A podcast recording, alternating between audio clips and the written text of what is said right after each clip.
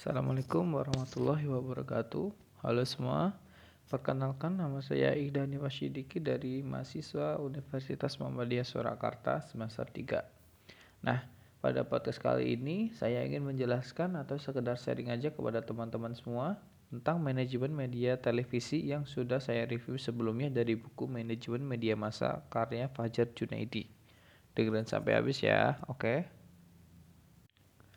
Dalam sejarah pertelevisian di Indonesia, Undang-Undang Nomor 32 Tahun 2002 tentang penyiaran merupakan tonggak sejarah perubahan kebijakan penyiaran di Indonesia.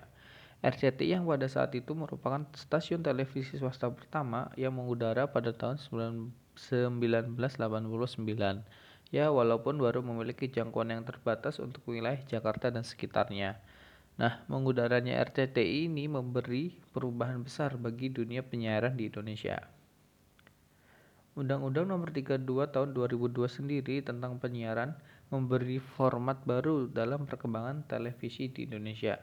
Jika sebelumnya dikotomi stasiun televisi adalah stasiun televisi pemerintah dan stasiun televisi swasta, maka kini dikenal dalam tiga bentuk media penyiaran pertelevisian, yaitu stasiun televisi swasta, stasiun televisi publik, stasiun televisi komunitas, dan berlangganan. Keberhasilan dan kegagalan dalam bisnis penyiaran sangat tergantung pada manajemen dalam media penyiarannya. Untuk mendapatkan hasil program siaran yang bagus dan memiliki rating tinggi di mata penonton setianya, Keberhasilan dan kegagalan dalam bisnis penyiaran sangat tergantung pada manajemen dalam media penyiaran tersebut. Untuk mendapatkan hasil program siaran yang bagus dan memiliki rating tinggi di mata penonton setianya, sebuah stasiun televisi harus memiliki manajemen yang baik agar semua peran berjalan dengan baik. Nah, setiap stasiun televisi tentunya memiliki beberapa program acara dong. Masih satu doang. Nah, jadi, setiap program acara itu punya divisi masing-masing yang tugasnya untuk menghandle acara tersebut biar mulus. Kayak Pahalu Cinta Luna. Jadi, para penonton itu seneng dan nontonin acara itu mulu. Gitu maksudnya. Nah, terus kalau ada salah satu divisi yang mengalami masalah, contohnya divisi teknis yang nggak bisa menangani kegagalan sistem sampai jam tayang acara itu, maka otomatis acara itu gagal tayang dan para penonton yang kecewa. Dari sini kan udah ketahuan kalau fungsi manajemen dalam penyiaran itu penting banget. Ibaratnya udah kayak polisi lalu lintas yang ngatur jalanan biar gak ruwet. Manajemen penyiaran juga tidak sekedar urusan bagaimana proses teknis siaran, namun juga menyangkut pengelolaan sumber daya manusia, sumber daya keuangan, dan sumber daya peralatan di sebuah stasiun televisi. Secara umum, stasiun televisi dalam struktur manajemennya terdiri dari beberapa divisi atau bagian di mana masing-masing dipimpin oleh seseorang direktur atau manajer. Di stasiun televisi besar juga disebut sebagai direktur utama. Selain itu, ada istilah lain yang digunakan sebagai presiden direktur, direktur utama atau CEO. Pimpinan tertinggi dalam institusi media televisi ini sekaligus menjabat posisi sebagai ketua dewan direksi atau board of directors.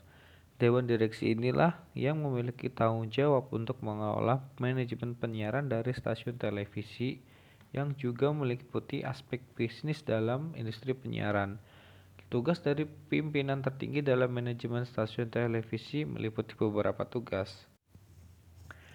Nah, tugas yang pertama adalah Manajemen harus mampu mengkoordinasikan berbagai program acara yang ada di stasiun televisi tersebut, termasuk kemampuan untuk memonitoring sebuah acara. Pihak manajemen harus segera mengetahui jika ada program acara yang kualitasnya menurun, kemudian segera melakukan kebijakan atas program acara tersebut.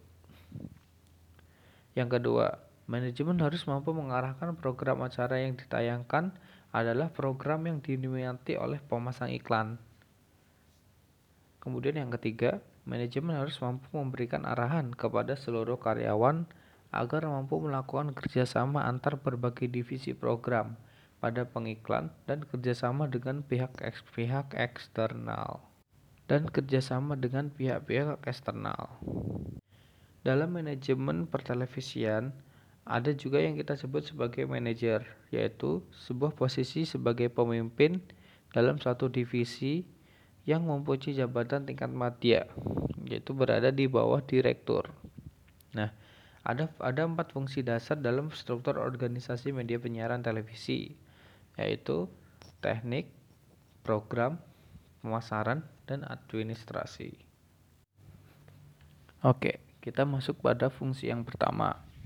Fungsi yang pertama ada pada bagian teknik. Bagian teknik yang dijalankan oleh para teknisi merupakan organ vital dalam melakukan siaran. Karena apa? Karena ketika terjadi kerusakan teknis pada saat penyiaran bisa menyebabkan gangguan siaran yang berlangsung, bahkan bisa terjadi kegagalan siaran.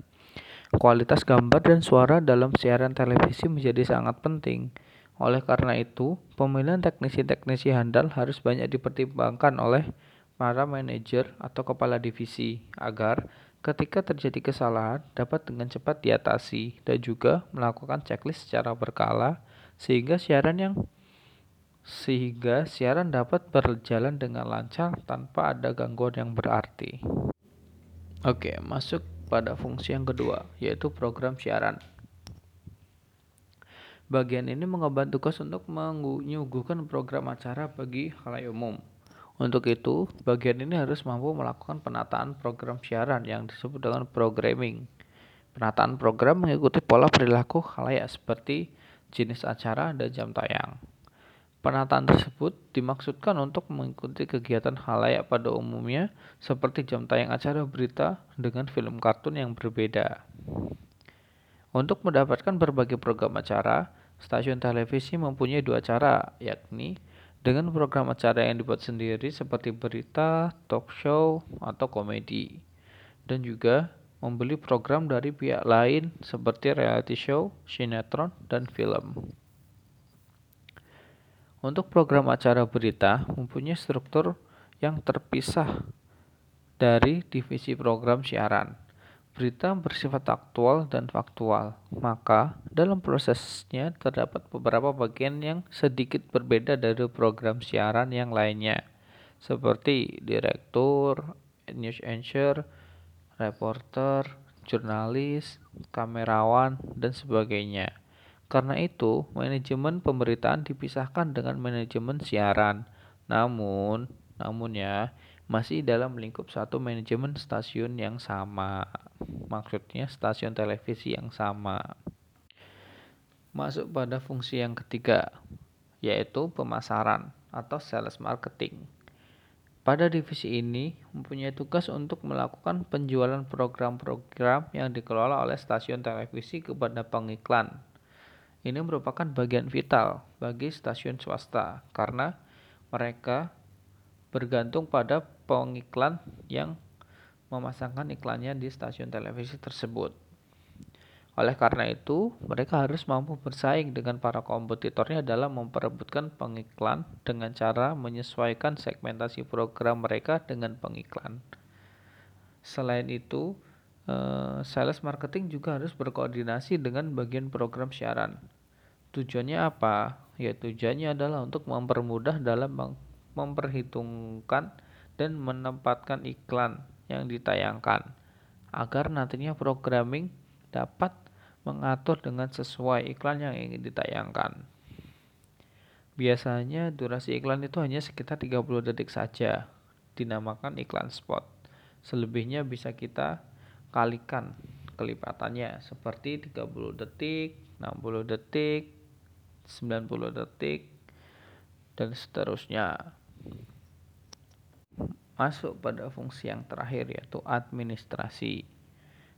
Bagian administrasi mengemban tugas dalam fungsi pengorganisasian yang berkaitan dengan administrasi meliputi tanggung jawab pada pengelolaan sumber daya manusia, pembukuan, pembayaran gaji, dan pengelolaan anggaran.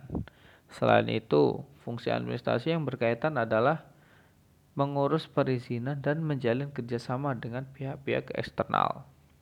Bagian inilah yang bertugas untuk mengurus perjanjian dan keberlanjutan perizinan pada regulator penyiaran, yaitu Komisi Penyiaran Indonesia atau KPI. Nah, di sini tugas dari administrasi adalah menyiapkan berkas-berkas selengkap mungkin untuk ditujukan kepada KPK karena persaingan yang begitu ketat. Soalnya apa ya? Soalnya itu banyak banget stasiun-stasiun uh, televisi yang coba masukin berkas-berkas ke sana. Jadi mereka ya harus lengkapin biar nggak dieliminasi. Undang-Undang Nomor 32 Tahun 2002 tentang Penyiaran dan Pedoman Perilaku Penyiaran Standar Program Siaran atau yang disingkat PPP SPS adalah dua, re dua regulasi yang wajib ditaati oleh stasiun televisi. Sekali dia melanggar ketentuan tersebut, maka akan ditegur oleh KPK. Kalau masih berlanjut tegurannya dan tidak digubris, maka biasanya KPK akan mencabut izin e, penyiaran televisi tersebut dan itu susah banget untuk mengembalikan atau menghidupkan kembali izin tersebut. Nah, jadi itulah beberapa eh, fungsi-fungsi uh, penting manajemen media televisi.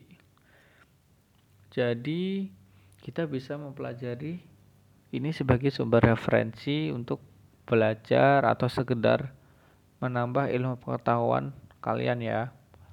Nanti kalau ada yang kurang-kurang ya mohon maaf. Namanya juga manusia ya kan. Jadi ya terima kasih sudah mau mendengarkan. Assalamualaikum warahmatullahi wabarakatuh.